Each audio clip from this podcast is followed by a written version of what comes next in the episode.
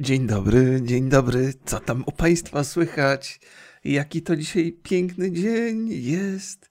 E, jeszcze nie mam pojęcia, jaki to będzie dzień. Jest ósma rano, temperatura 15 stopni. Kalendarz mi zapowiada, na kalendarz, to nie jest kalendarz, prognoza pogody moja zegarkowa zapowiada mi, że będziemy funkcjonowali w okolicach 23, 24, 25 stopni. Przynajmniej we Wrocławiu, więc należałoby uznać, że pogoda i temperatury są, są, są letnie. No bo przecież ciągle są wakacje. Kawka? Można zacząć ten dzień wesoło i radośnie, co też niniejszym uczyniłem, ale czuję, że będę musiał się przespać ze dwie godzinki w ciągu dnia, bo wstałem za wcześnie. Wstęp o szóstej z groszami, bo głupi jestem. No, to znaczy, żeby wszystko było jasne, ja zawsze cenię sobie wczesne wstawanie ale jak się, e, jak się ma prowadzi taki domowy tryb pracy, czyli pracuje się z domu, jak ja zresztą od wielu, wielu lat, to, no to człowiek wstaje trochę później, kładzie się trochę później. Wszystko dyktują dzieci. Jak moje dzieci, a właściwie najmłodsze z nich, czyli Ola, najmłodsze z nich, mam dwójkę, ok? To nie jest tak, że mam piątkę dzieci. Więc najmłodsze z nich, czyli Ola, wstaje około dziewiątej, no ja też sobie tak dopasowuję dzień, żeby o dziewiątej być na nogach. No bo po co wcześniej? No po co? Po, po co? I tak potem dziecko żyć nie daje, więc może dlatego właśnie, żeby móc sobie popracować między siódmą a dziewiątą. To są dwie godziny, dwie godziny. Zawsze jak wstaję bardzo wcześnie, to mam wrażenie, że dzień jest zdecydowanie bardziej długi. Może ma to sens. Wydaje mi się, że jak człowiek tak idzie spać o godzinie 23, to Mm, powiem wam, jak to wygląda. Kiedy się wstaje o 7 rano, to ten poranek jest bardzo produktywny. Zresztą chyba tuż po wstaniu umysł pracuje na podwyższonych obrotach. Przynajmniej tak mi się wydaje, ja tak zawsze miałem. Natomiast mm, jak się wstaje później, no to już jakoś tak to wszystko wygląda inaczej, ale żeby wszystko było jasne. Więc ten poranek, okej, okay, te, ten potok myśli zmierza do czegoś bardzo konkretnego. Tylko muszę się zastanowić, jak to ubrać w słowa. Zatem ten poranek jest bardzo produktywny. Jeżeli yy, przestawimy sobie wstawanie na późniejszą godzinę i porównamy wieczór, który jest dla nas dłuższy, to on wypada, to wypada zdecydowanie na niekorzyść. Okej. Okay. O, o Boże drogi. Zabrnąłem w bardzo prosty korytarz, ale nie mogę z niego wybrnąć. Bo wieczorem, jak się siedzi już tak późno, no to w zasadzie wielu aktywnych rzeczy się robić nie da. Nie, bo pracujesz, nie wymyślisz nic nowego, człowiek jest zmęczony. Jedyne, co może robić, to oglądać jakieś filmy, seriale, co jest bardzo przyjemne i sympatyczne, ale produktywne niespecjalnie. No chyba, że to są jakieś tam seriale dokumentalne albo jakieś programy edukacyjne, no to jeszcze okej. Okay. Ale generalnie wieczorem mało nam wchodzi do głowy. Zatem zdecydowanie lepiej jest przespać ten okres, kiedy mało wchodzi do głowy, by rano wstać, kiedy do głowy wchodzi dużo. Okej, okay? niby tyle samo czasu trwa nasza doba, e, czyli powiedzmy tam 14 godzin, e, ale to są dużo bardziej produktywne godziny. Nie? Mam rację, czy nie mam racji? Pewnie nie mam. ale to nie szkodzi. E, najważniejsze, że wybrnąłem z tego, tego korytarza, co chciałem, co, co, co w niego zabrnąłem. O mój Boże, chyba muszę jeszcze kawy dopić. Ale dlaczego powiedziałem na początku, że jestem głupi, że wstałem tak wcześnie? E, otóż umówiłem się na przegląd auta. E, I poszedłem wczoraj do salonu, żeby podpisać ubezpieczenie. Akurat wczoraj mi się ubezpieczenie kończyło, więc wszystko idealnie dopasowane, po prostu cudownie e, się zgrało. I umówiłem się na przegląd techniczny, ponieważ e, ja mam Toyotę. W salonie Toyoty nie wiem, czy wszędzie są takie zasady. Nie, żebym się chwalił tam może jeszcze Państwu opowiem historię. Mam Toyota RAV4. Ok, to jest absolutnie cudowne auto y, i lepszego nie miałem, natomiast y, strasznie jest hałaśliwe. Jak się jedzie powyżej 120 km na godzinę, to, to po prostu jest rzeźnia. Serio mówię. To jest bardzo popularne auto. Y, sprzedało się dobrze Toyocie i no i dobrze, bo to jest fajne auto, ale hałaśliwe straszliwie. Ale tak, to jest jedyna wada, e, żeby, no może tam są jeszcze jakieś inne, ale nie o tym chciałem. Zmierzajmy do celu, prosto.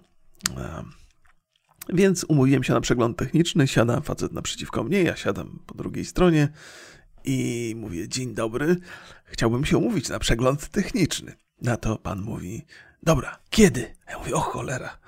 O, to jest, widzę, że mam pełną, pełną dowolność w wyborze terminów. Mówię, jak najszybciej. On na to, dobra, siódma rano? Ja mówię, o kurde. A powiedział to takim tonem i tak na mnie spojrzał, jakby chciał mi przekazać, że i tak nie wierzę, że tak rano przyjadę. A ja popatrzyłem mu w oczy i powiedziałem, okej, okay, siódma rano. Bo znaczy, uznałem, że to jest jakieś wyzwanie. Że ja mówię, co, co, ja nie wstanę? Ja nie wstanę, ja nie dowiozę auta? I, i, no, i, no, i, no i dowiozłem oczywiście o siódmej rano. Potem wróciłem sobie Uberkiem do domu. Pierwotnie planowałem tam siedzieć dwie i pół godziny w czasie tego przeglądu. Bez sensu. Lepiej wrócić do domu, nagrać podcast i pojechać akurat. Powinno być idealnie, powinno się idealnie zgrać. No, ale to chciałem udowodnić, że, że mogę. To jest bez sensu zupełnie. Czasami człowiek się łapie, mając tam 40 już parę lat, że nadal ma poważną skłonność do tego, żeby udowadniać, że jednak stać go na więcej. Zwłaszcza przed innymi. Ja nie wiem, kiedy to minie. Czy to powinno minąć? E, żeby tak się wyluzować trochę i powiedzieć, tak facet mówi, na siódmą jest najbliższy termin. No wie pan co, spokojnie, spokojnie, aż tak bardzo mi się nie spieszy, co pan powie na dziesiątą. I pan wtedy powie, no dobra, coś niech będzie dziesiąta. I spojrzy na mnie z wyrzutem, bo oczywiście, bo kto to wstaje o dziesiątej, a ja powiem, a, tam pański wyrzut niespecjalnie mnie interesuje. A... No i, no i byłem o siódmej. E, a jeszcze e, ostatnio mam problemy z budzikiem, ponieważ e, od czasu jak sobie zainstalowałem Apple Watcha, to te wszystkie budziki zamiast na urządzeniach mobilnych to mi na zegarku dringają. A już się tak, tak wykształciłem w sobie instynktowną umiejętność wyłączania tego budzika, że czasami po prostu go wyłączę.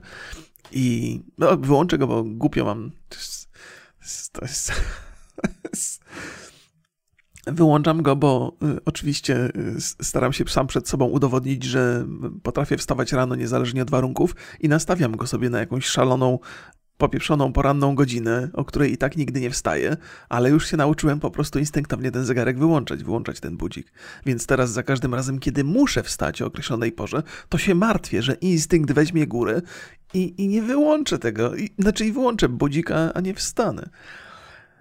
Więc sobie dzisiaj nastawiłem zegarek, telefon jeszcze iPada. No i, no i, no i się obudziłem. Obudziłem się, wstałem, załatwiłem najważniejsze sprawy, pojechałem, zawiozłem, dowiozłem.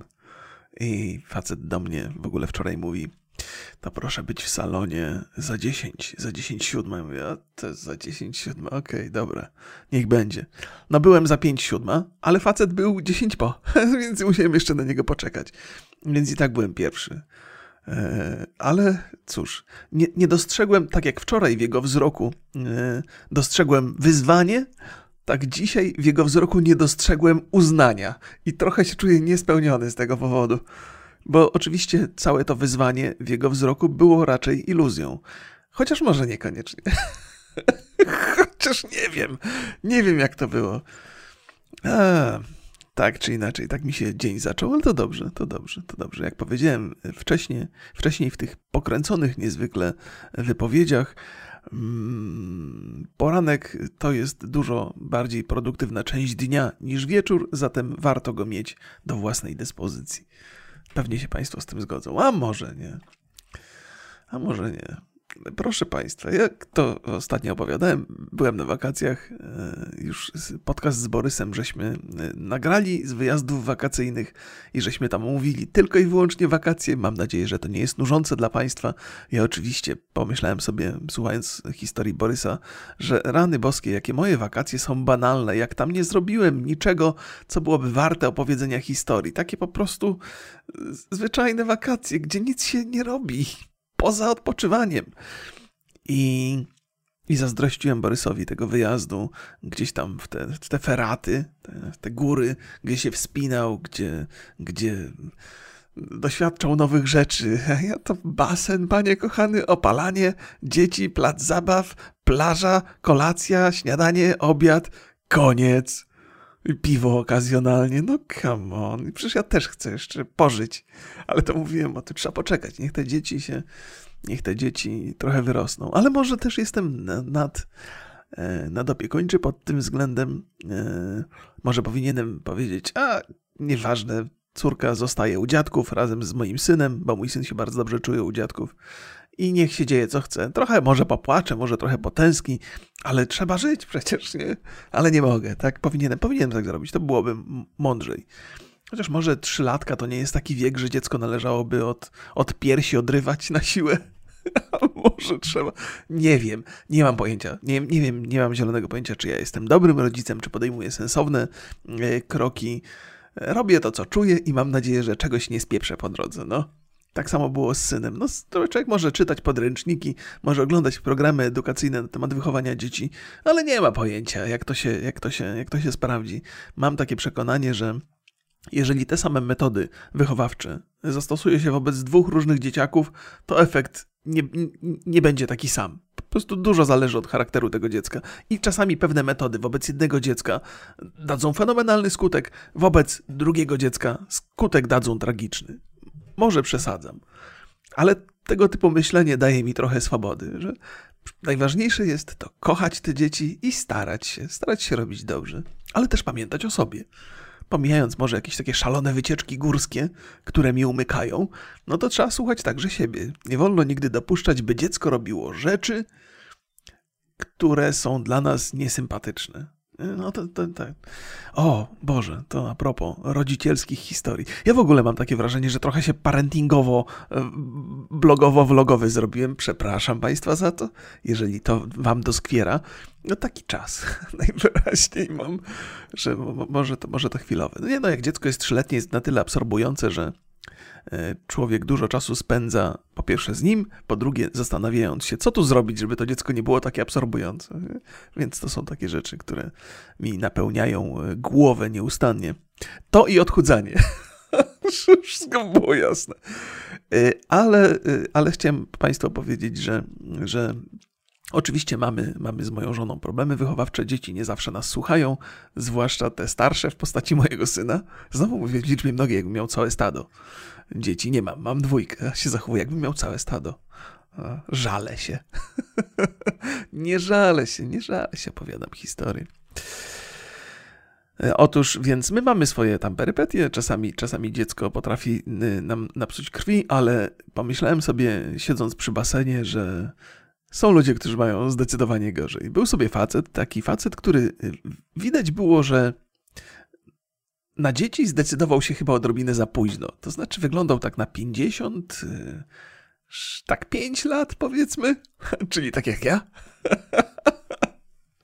Jezu, nie mogę. Przepraszam, ja oczywiście wyglądam na 32. Proszę, proszę tej autoironii nie brać na poważnie. Więc ten 55-letni facet, albo wręcz starszy, Miał syna w okolicy dziewięciu lat. I ten syn mu właził na głowę nieustannie, nie dosłownie, tak w przenośni. Rzucał, jak się, jak się tam bawili się w basenie, rzucali sobie piłką nawzajem. O, taka gra.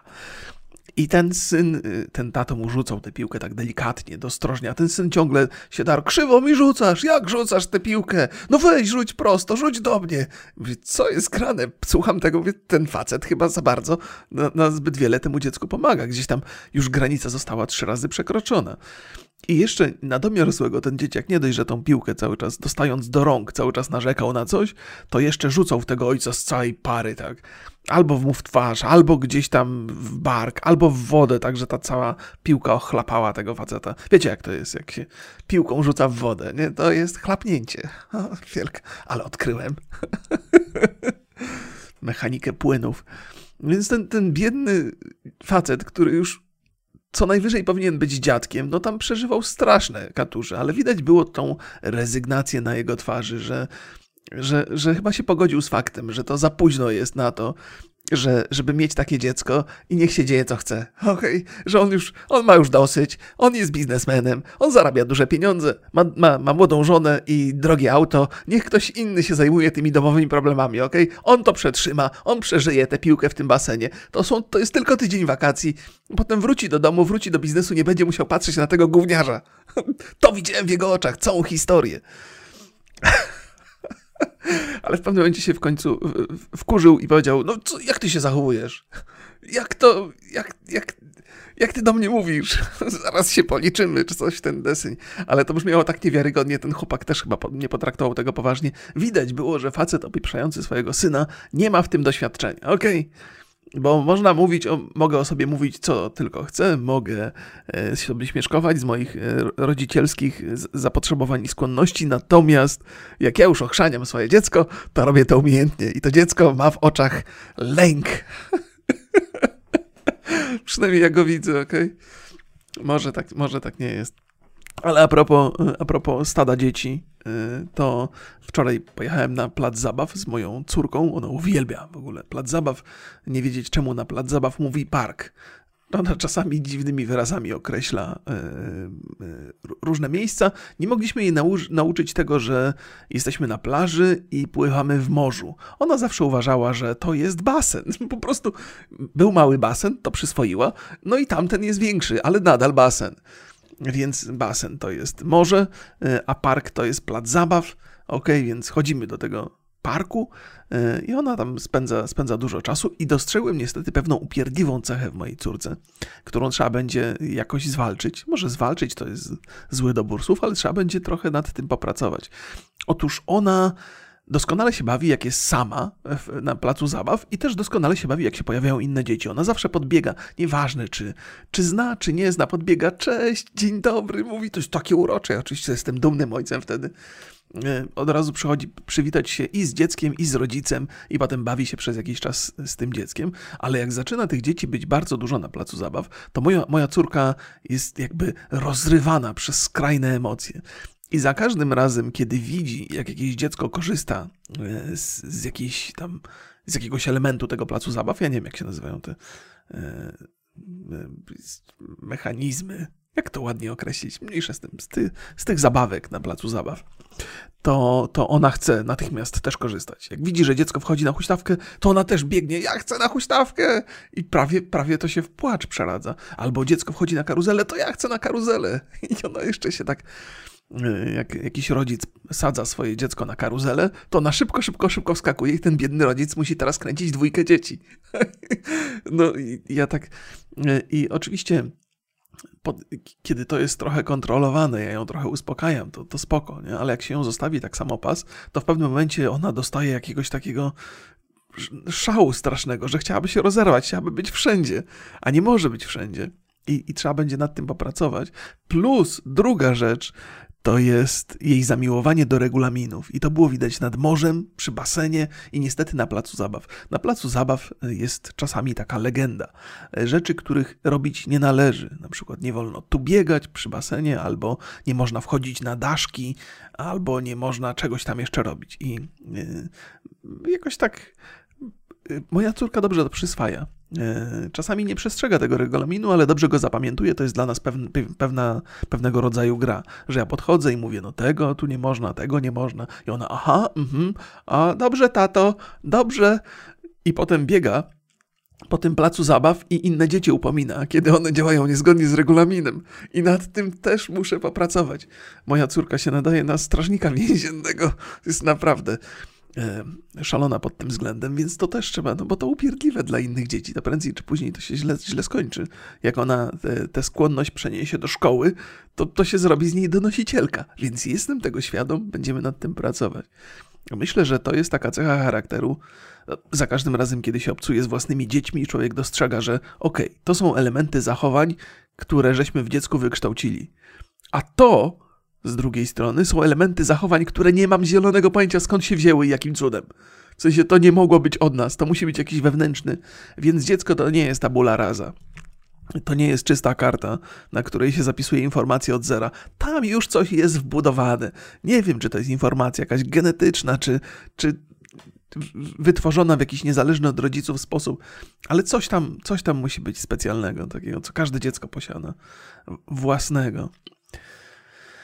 Ach, tak, więc tak, takie są moje. No, ale jeszcze wczoraj, y, będąc na tym placu zabaw, y, ogarniam tę moją córkę z, z bólami, bo szalona jest nie, niebywale. Moje dzieci w ogóle mają nadwyżki energii i za każdym razem boję się, że to się przerodzi w jakieś ADHD, ale w przypadku mojego syna, który też nadwyżki energii miał, w ADHD się to nie przerodziło, więc sobie radzi całkiem, nabrał spokoju. Powiedziałbym nawet, że teraz mój syn jest przesadnie spokojny, jest taki super poważny. Rzadko się uśmiecha, e, czasami się uśmiecha, ale taki taki jest, taki jest z niego, poważnik jest z niego. Więc może u mojej córki też nastąpi jakaś zmiana gdzieś tam, gdzieś tam po drodze, ale e, więc ogarniam tę córkę na placu zabaw e, w bólach e, i widzę, podjeżdża sobie pani na rowerze. Na rowerze ma dziecię, takie półtora roczne, a za tym rowerem jedzie trójka kolejnych dzieci. I myślę sobie, że to była para bliźniaków w okolicy pięciu lat i jeszcze trzyletni syn i jeszcze to dziecko, czyli miała czwórkę dzieci. I te, ta czwórka dzieci była taka, taka zdyscyplinowana, w sensie nie było widać tam jakiegoś, jakiegoś nacisku, jakiejś takiej presji, czy, czy że ta matka ich tak strofować musiała. Po prostu jechała, te dzieci elegancko za nią, przyjechali na plac zabaw, położyli rowery. E, praktycznie ta matka się nie odzwała do nich. Te dzieci wiedziały, co robić. Weszły sobie na, na te obiekty rozrywkowe, kolejna, kolejna nazwa. Kolejne określenie dla przedmiotów, które nie wiem, jak się nazywają potocznie. No, i się bawią, i w ogóle nie hałasują, i, i, są wobec siebie e, takie bardzo sympatyczne, bo ten mały trzyletni chłopiec boi się zjeżdżać na zjeżdżalni, więc pięciolatek bierze go, sadza go sobie tak w zasadzie między nogami i zjeżdżają razem. I myślę sobie, no kurde, po prostu jakiś jakiś raj na ziemi. I przypomniała mi się taka anegdota, czym się różni niebo od piekła. E, I niebo jest opisane w ten sposób, że. E, o, nie, zacznijmy od piekła. Piekło jest opisane w ten sposób, że siedzi sobie grupa ludzi, ma przed sobą, mają przed sobą fantastyczny stół zastawiony cudownymi, przepysznymi potrawami i, i są bardzo głodni. Ale niestety mogą jeść tylko łyżkami, a łyżki mają za długie. Łyżki mają tak długie, że jak złapią za koniec łyżki, to początek jest tak niewygodny, że nie mogą sobie jej wsadzić do ust. Rozumiecie, to jest tylko takie. To nie ma sensu, okej. Okay. Zakładam, że piekło i niebo, jeżeli są, to są urządzone rozsądniej, ale to jest taka opowie opowieść, więc mają za długie te łyżki. I to jest piekło. Natomiast niebo wygląda tak, że siedzi grupa ludzi, są głodni, mają tak samo zastawiony stół, cudowne potrawy, nadal mają za długie łyżki, ale karmią się nawzajem. Tada! I tak wygląda rodzicielstwo, że można mieć jedno dziecko, które, które po prostu jest szalone totalnie, absolutnie, a można mieć czwórkę, które się wspierają, które sobie pomagają i no. I pomyślałem sobie, ja cię kręcę. Może to też jest tak, że, że te takie wielodzietne rodziny, no tam muszą muszą funkcjonować jakieś, jakieś układy. Nie bez powodu jakieś inne, lepsze trochę układy, bo nie bez powodu mówi się o tym, że łatwo poznać jedynaka, zwłaszcza jak jest taki kilkunastoletni, bo potem pewnie jak jest starszy, to Pewnie też się ludzie jakoś różnią między sobą. Ale jak jest czwórka dzieci w podobnym wieku, to muszą się godzić na pewne ustępstwa i muszą się przyzwyczaić do pewnych ustępstw, nie? Ciężko zastosować te metody wychowawcze, które działają wobec czwórki dzieci wobec jednego, bo to jedno dziecko nie rozumie zasad na przykład konkurencji. Po prostu chce mieć zabawkę, która jest w domu, sięga po tą zabawkę, nie musi się dzielić tą zabawką. To jest dużo złożonych procesów, których pewnie nie rozumiem i nie zrozumiem, bo raczej nie, nie zapowiada się, że miał czwórkę dzieci naraz w podobnym wieku. Dzięki Bogu, wystarczy to, co mam. E, no, ale byłem pod ogromnym wrażeniem, jak bardzo ta matka czwórki dzieci sobie radzi z nimi, albo właściwie jak bardzo te dzieci współgrają ze sobą. I też mm, przyglądałem się temu, a że miałem okulary słoneczne, to mogłem się przyglądać zupełnie spokojnie i nikt nie widział, bo to nikt nie lubi, jak się ktoś w niego wgapia. Okulary słoneczne dają nam tę swobodę, zwłaszcza jak jesteśmy facetami. Możemy się gapić gdzie tylko chcemy i mało kto jest w stanie zwrócić na to uwagę. E, I ta matka na tego półtorarocznego synka, chyba to był synek, patrzyła z taką miłością, jak on się wspinał na te, na te i myślę sobie, Jezus, to jest szczęśliwa matka, nie? Czwórka dzieci, można by pomyśleć, że z, perspektywy rodziców posiadających jedno dziecko, to, to można by pomyśleć, że to jest bardzo ryzykowne zajęcie, zajmowanie się taką ilością dzieci, ale ta matka była jakaś taka szczęśliwa w tym. I to mi też tak zaimponowało i pomyślałem sobie, no cóż, cóż. Czasami cztery jest łatwiej niż jeden. No. Na, na, to, na to wygląda. No.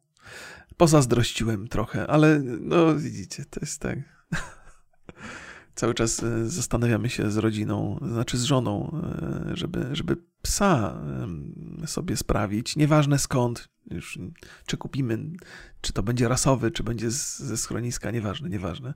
Nie o tym mowa. I cały czas myślimy o tym przez pryzmat dodatkowej liczby kłopotów, których nam zwierzę dostarczy.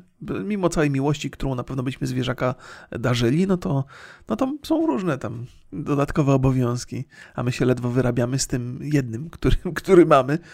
E, ale może trzeba patrzeć na to inaczej, przez pryzmat korzyści.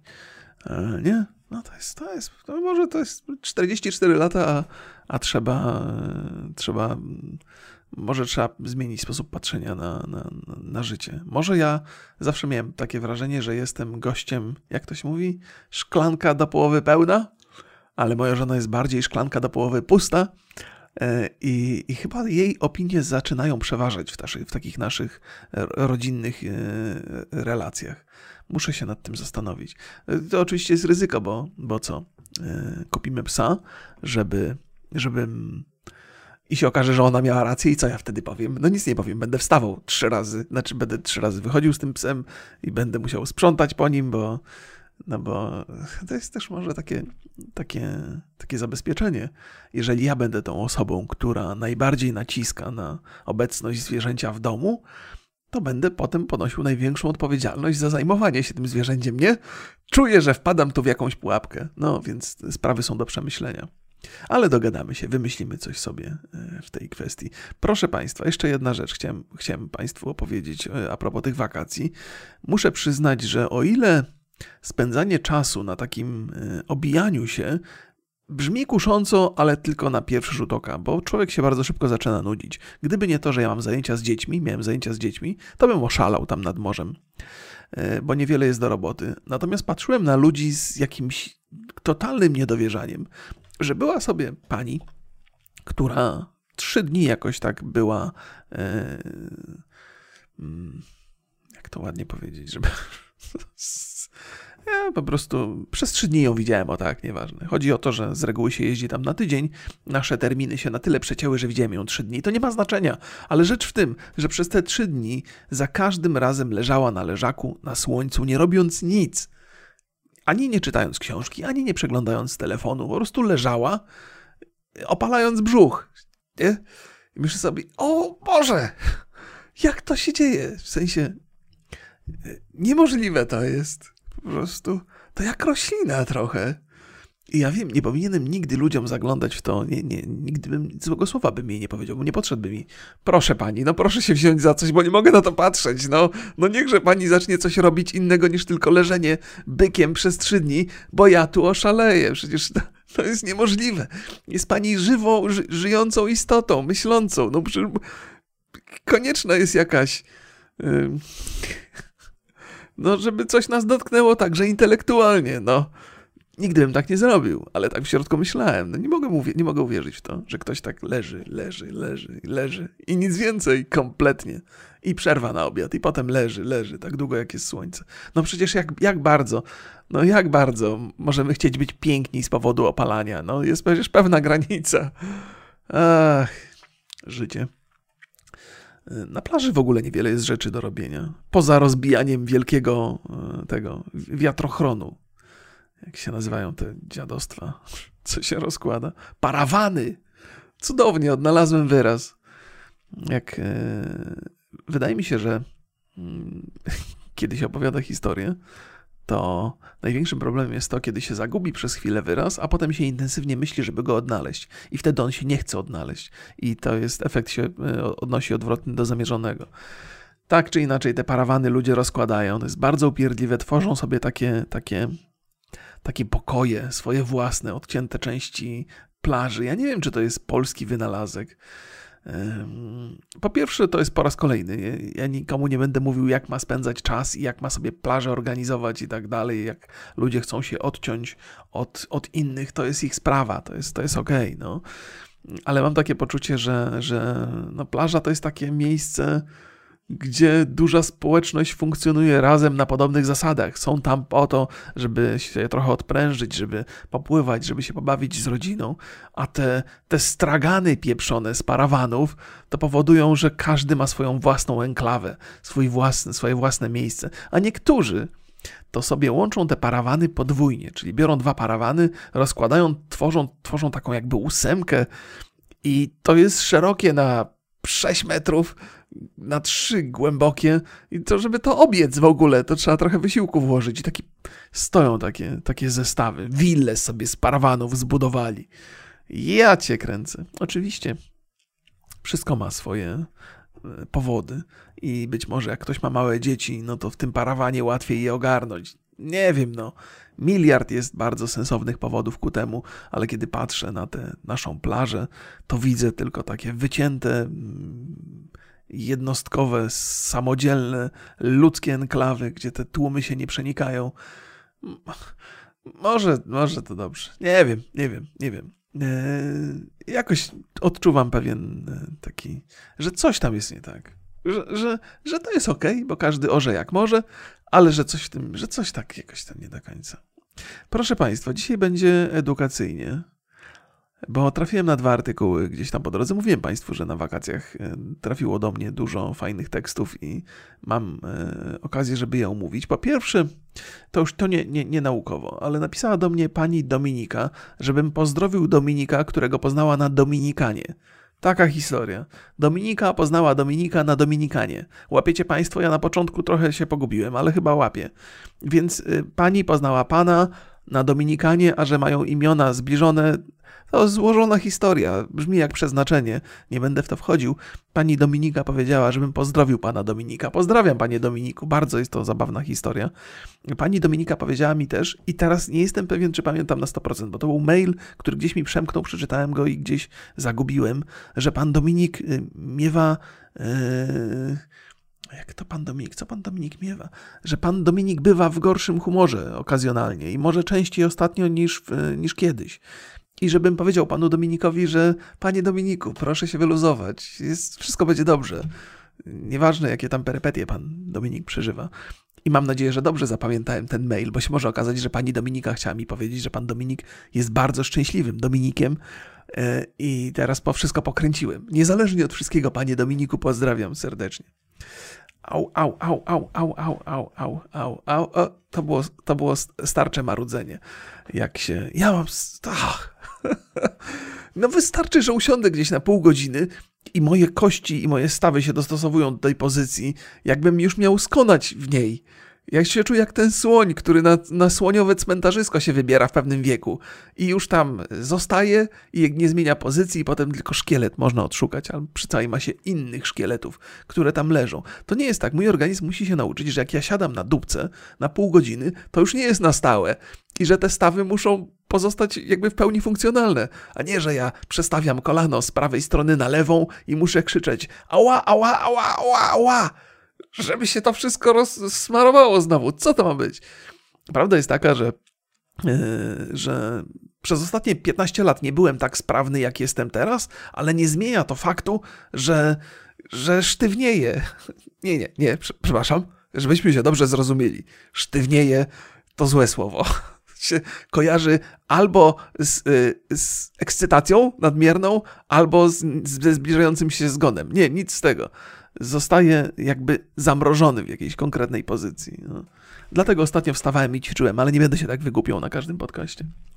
Dzisiaj ma być edukacyjnie, ok? Niech sobie skasuję te notatki, żeby mi one już tutaj. Tak, skasowałem ciebie. E, dobra. E, co my tu mamy? O, Proszę Państwa, a propos diet, myślę, że Państwa oświecę dzisiaj bardzo, że będzie to dla Was zaskakująca wiadomość i pouczająca.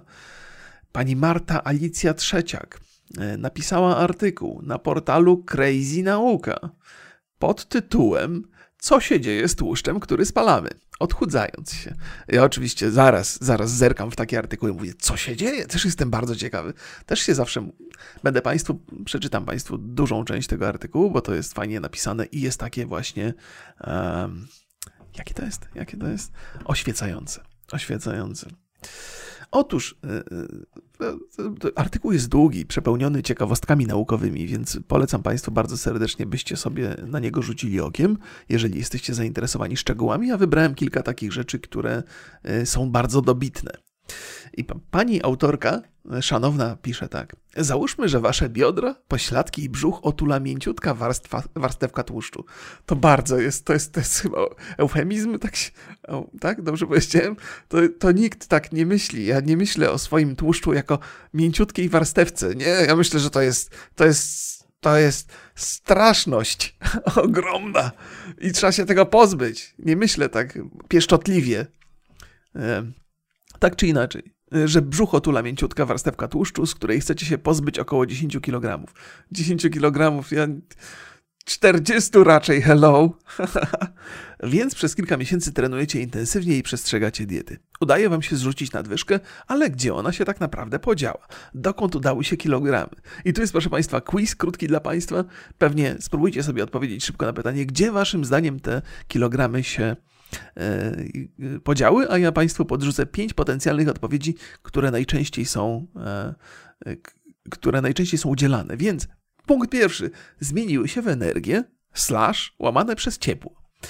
Punkt drugi. Zostały wydalone wraz z odchodami. Punkt trzeci przekształciły się w mięśnie. Punkt czwarty zostały wydalone wraz z moczem, potem i tym podobne. Punkt piąty zostały uwolnione wraz z wydychanym powietrzem jako dwutlenek węgla. Jak Państwo myślicie?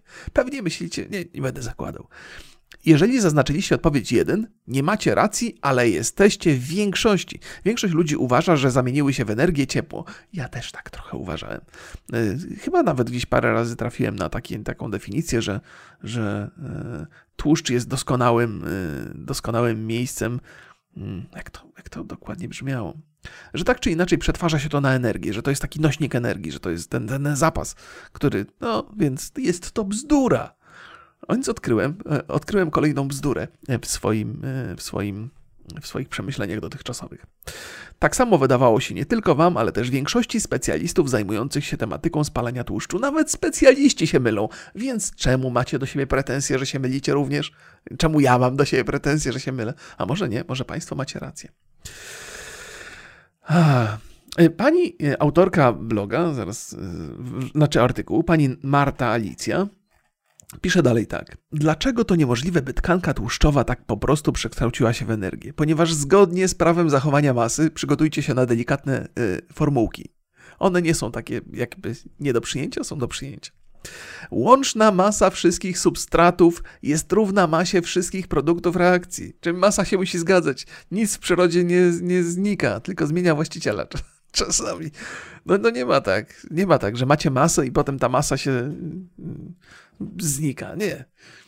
Więc e, tak, to oznacza, że nasze spalone kilogramy nie mogą po prostu zniknąć. Owszem, kiedy wiązania chemiczne wchodzące w skład długich cząsteczek lipidowych ulegają przerwaniu, to właśnie nazywamy spalaniem tłuszczu, dochodzi do uwolnienia energii zmagazynowanej w tychże wiązaniach. Ale przecież sama liczba atomów, które budowały tkankę tłuszczową, nie ulega zmianie. 10 kg atomów to nadal 10 kg atomów nawet jeśli w toku reakcji przerwano łączące je wiązania. Więc tak, masa nie znika w sposób cudowny. Musi, musi dojść do jakiegoś innego procesu. I pani zaraz wrócę do pani Marta Alicja tutaj przytacza całą masę równań, jakichś takich chemicznych, których Państwu ja nie przekażę nawet jakbym chciał, bo nie rozumiem, ale to wygląda uroczo i jest niezwykle złożone. E, ale pani e, pisze dalej tak, no nie zwariuję. Marta Alicja, dobrze mówię? Ja nie mam imion, nie mam pamięci do imion. Ech. Dla dociekliwych piszę tak. Z biochemicznego i fizjologicznego punktu widzenia osoby, które zrzucają nadliczbowe kilogramy, tak naprawdę nie spalają tłuszczu, lecz poddają go lip lipolizie oraz reestryfikacji. Najważniejszego Państwu nie powiedziałem.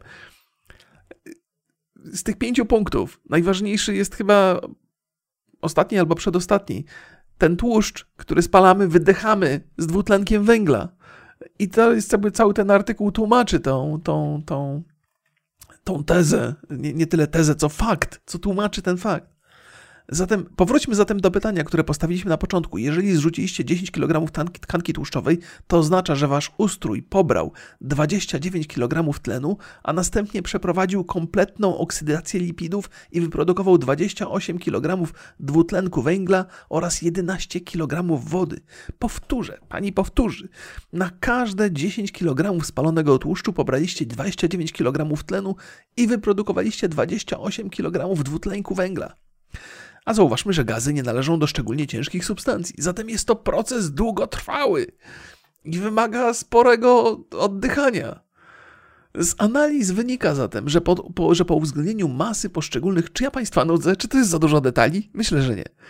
E, że po uwzględnieniu masy poszczególnych cząsteczek aż 84% masy spalonego tłuszczu umyka z ciała pod postacią wydychanego dwutlenku węgla, natomiast 16% opuszcza ciało jako woda. No i proszę Państwa, oto macie rozwiązanie zagadki. Jeżeli ktokolwiek Was kiedyś zapyta, w jaki sposób spalamy tłuszcz, to powiecie podczas oddychania i podczas wydalania wody, ale w większości, w znakomitej 84% masy spalonego tłuszczu umyka z ciała pod postacią wydychanego dwutlenku węgla. Założę się, że nie każdy to wiedział. Ja nie wiedziałem. I tak się chwalę tym, prawie jakby to był mój wynalazek, a to nie jest mój wynalazek, tylko pani Marty Alicji. Tada! I pani Marta Alicja, e, pani Marta Alicja pisze także na końcu. Wszystkie powyższe obliczenia doprowadzają nas do zasadniczego wniosku. Najważniejszym organem odpowiedzialnym za usuwanie spalanej, spalonej tkanki tłuszczowej są płuca. To one dostarczają tlen potrzebny do re, re, reakcji i one wydalają największą część jego produktów, jej produktów. Uch. Uprzedzę pytania. Nie, nie wystarczy więcej oddychać, by więcej spalać. Sama hiperwentylacja nie doprowadzi niestety do zrzucenia zbędnych kilogramów. Za to czynności, które prowadzą do przyspieszenia i pogłębienia oddechów, takie jak ćwiczenia fizyczne, owszem, więc warto ćwiczyć fizycznie. Ale to było wiadomo już wcześniej. Znaczy, żeby ten tłuszcz spalać, to trzeba ćwiczyć, yy, trzeba ćwiczyć intensywnie, ale ten oddech, który podczas, yy, podczas ćwiczeń jest taki wzmożony, także sprzyja temu procesowi. I być może dlatego cardio działa lepiej niż, niż innego rodzaju ćwiczenia, na przykład obciążeniowe. Bo cardio powoduje przyspieszony oddech, także nie? Czy to już jest teoria, którą, z którą za daleko poszedłem? No jest to interesująca e, opowieść moim zdaniem, więc, więc powtarzam to na, e, na, e, na portalu crazynauka.pl Crazy pisane przez C. C no, czyli Zgodnie z oryginalną pisownią angielską, prawda? Crazy, tak się pisze. Crazy. A, nie tak. Sprawdźmy. Crazy. Crazy. No tak. Chyba tak się zapisuje w oryginale. Czyli szalona nauka. Crazy. Szalona nauka. Proszę Państwa, czy to jest koniec dzisiaj treści edukacyjnych w podcaście Pojęcia nie mam? Być może nie jest to koniec. Być może jak będziemy szli dalej w tym kierunku, to podcast zmieni nazwy na pojęcie mam. nie, nie, nie, nie, nie. Proszę się nie obawiać, proszę się nie obawiać. Y, mam dla Państwa y, kolejny artykuł, który być może naukowy nie jest, ale jest interesujący i być może z, z naszej internautowej y, perspektywy może być nośnikiem całkiem wartościowej wiedzy. Na, e, na portalu kopalniawiedzy.pl pojawił się artykuł w dziale Psychologia zatytułowany Ban to nie sposób na skrajne poglądy. Czyli ban, wiecie, ten ban, co się dostaje w internecie, jak się jest prosiakiem. Usunięci z mediów społecznościowych są bardziej toksyczni. O, uwaga, więc jeżeli komuś, to tak jak to pan Mariusz Błoński napisał ten, ten, ten artykuł.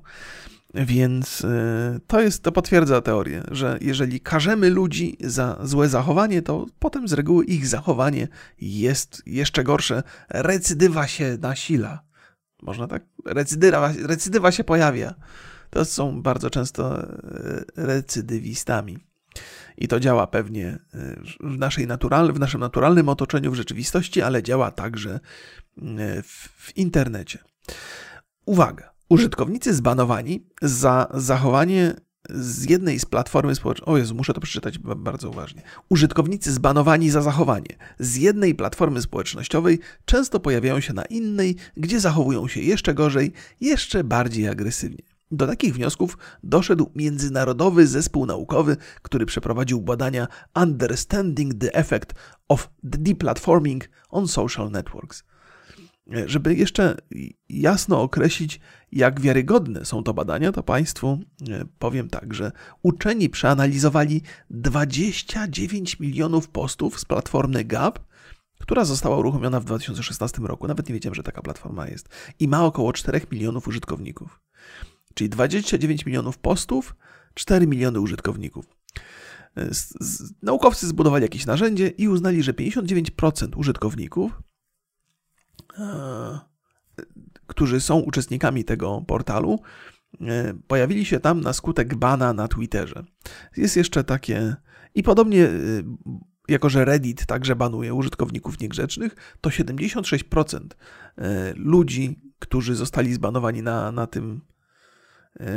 Na Reddicie trafili na gap. O, po prostu. Tak, ta, taka jest to sytuacja. Więc jest to niewątpliwie miejsce, ten cały gap, który zbiera w sobie, jakby ma w sobie tych ludzi, którzy gdzieś tam na innych platformach zostali zbanowani. Więc świetne miejsce, by badać, by, by badać tych ludzi.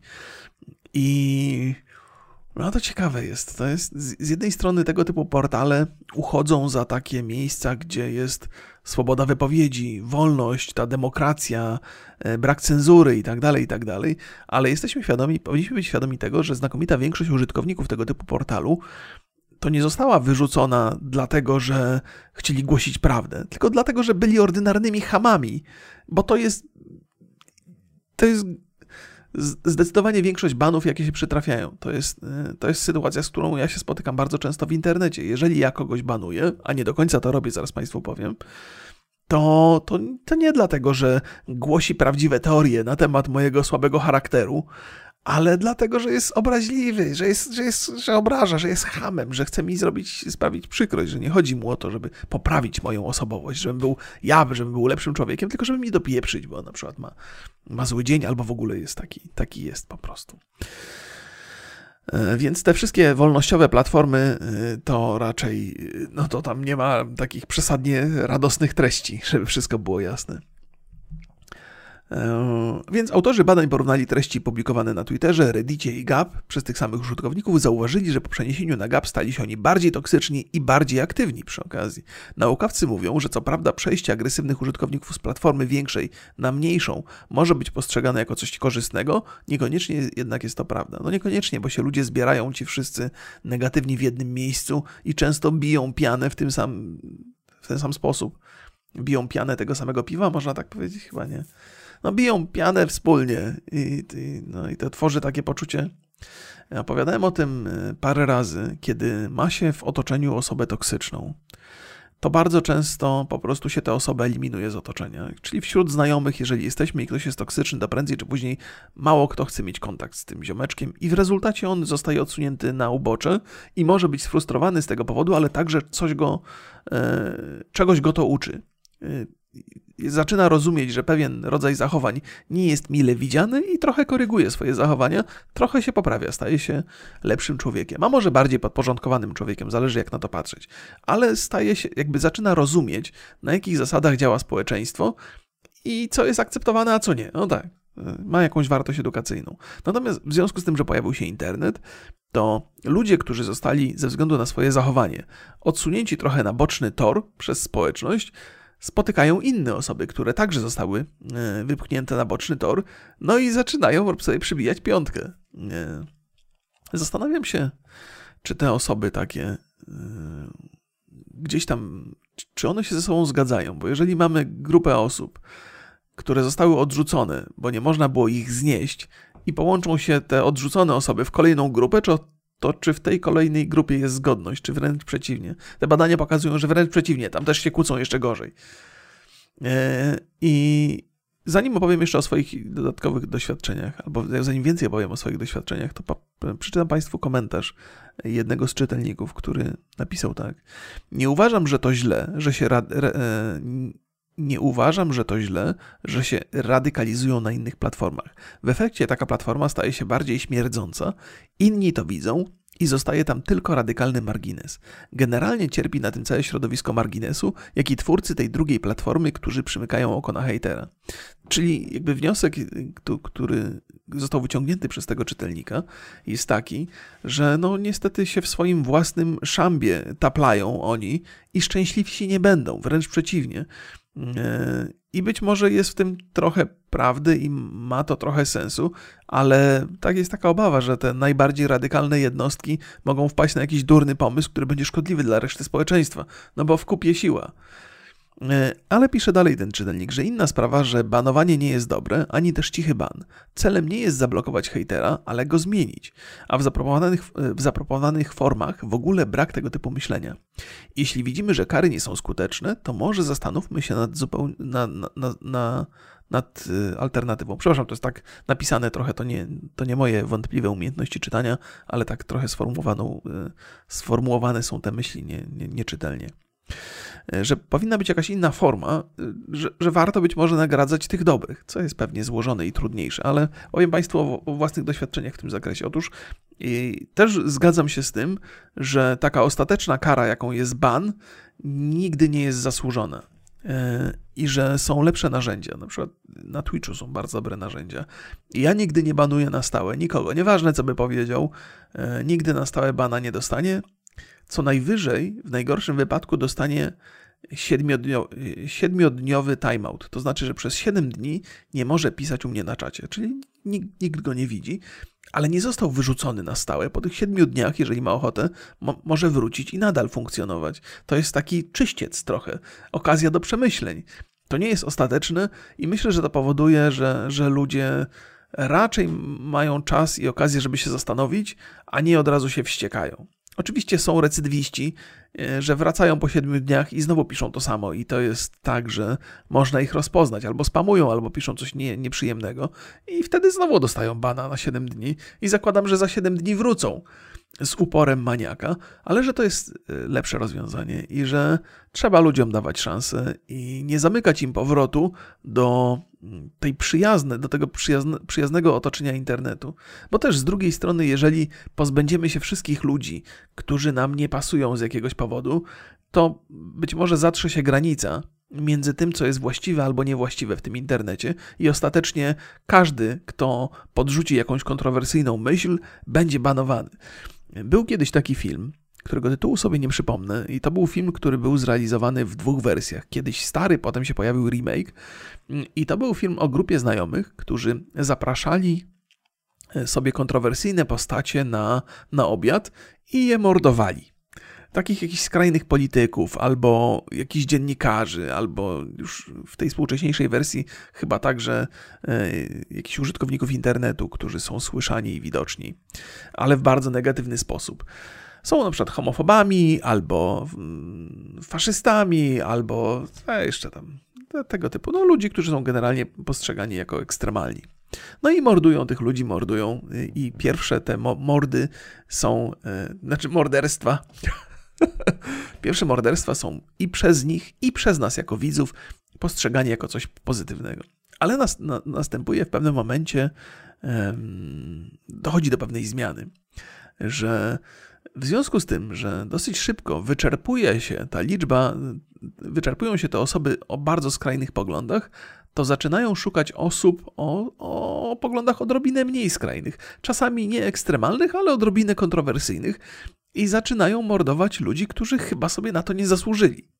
Nie twierdzę, że ci pierwsi sobie zasłużyli. No nikt nie, nie zasłużył sobie na to, żeby go mordować, ale czasami, zwłaszcza kiedy mamy do czynienia z taką fantazją, jaką jest film, to odczuwamy taką drobną, jakieś takie zadowolenie, poczucie sprawiedliwości, że tego złego człowieka spotkało coś złego. No i potem z, z, czasem coraz, no i tam oczywiście dochodzi do konfliktu między tymi ludźmi i co oni robią, no nie powiem Państwu, bo może sobie obejrzycie ten film kiedyś w tej albo ten, ten starszy chyba był ciekawszy. Jak to stare jest lepsze, ok? Zawsze będę tak twierdził, im starszy będę. E, no, więc. E, e, więc tak samo jest z banami, że, że banujemy najpierw osoby skrajne, a potem Wystarczy, że ktoś tylko delikatnie przekroczy nasze granice, które uznaliśmy za słuszne i także banujemy. No i w rezultacie co? co?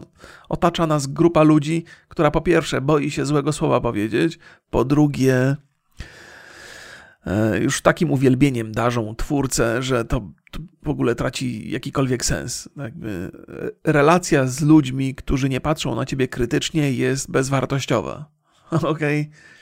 W takim sensie, że nawet jeżeli się lubimy i nawet jeżeli darzymy się ogromnym szacunkiem, to musimy zawsze patrzeć na siebie krytycznie, bo to jest jedyna, jedyny sposób na to, by, by ustrzec się jakichś drastycznych błędów albo głupot, popełnienia głupot.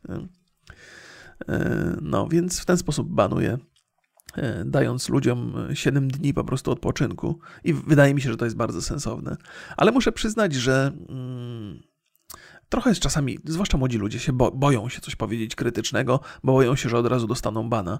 Y, to chyba wynika z tego, że, że czasami trudno rozpoznać, dlaczego ktoś dostał timeouta, bo to jest też tak, ja też mogę popełniać błędy. A to jest inna historia zupełnie, ale yy, czasami to jest tak, że jeżeli ktoś napisze do was komentarz, to na pierwszy rzut oka, patrząc z zewnątrz, ten komentarz wydaje się konstruktywną krytyką. krytyką. Natomiast jeżeli się siedzi, tak, jeżeli się jest celem tego komentarza, to można wychwycić tam coś więcej, znając swoją historię i znając wcześniejsze komentarze.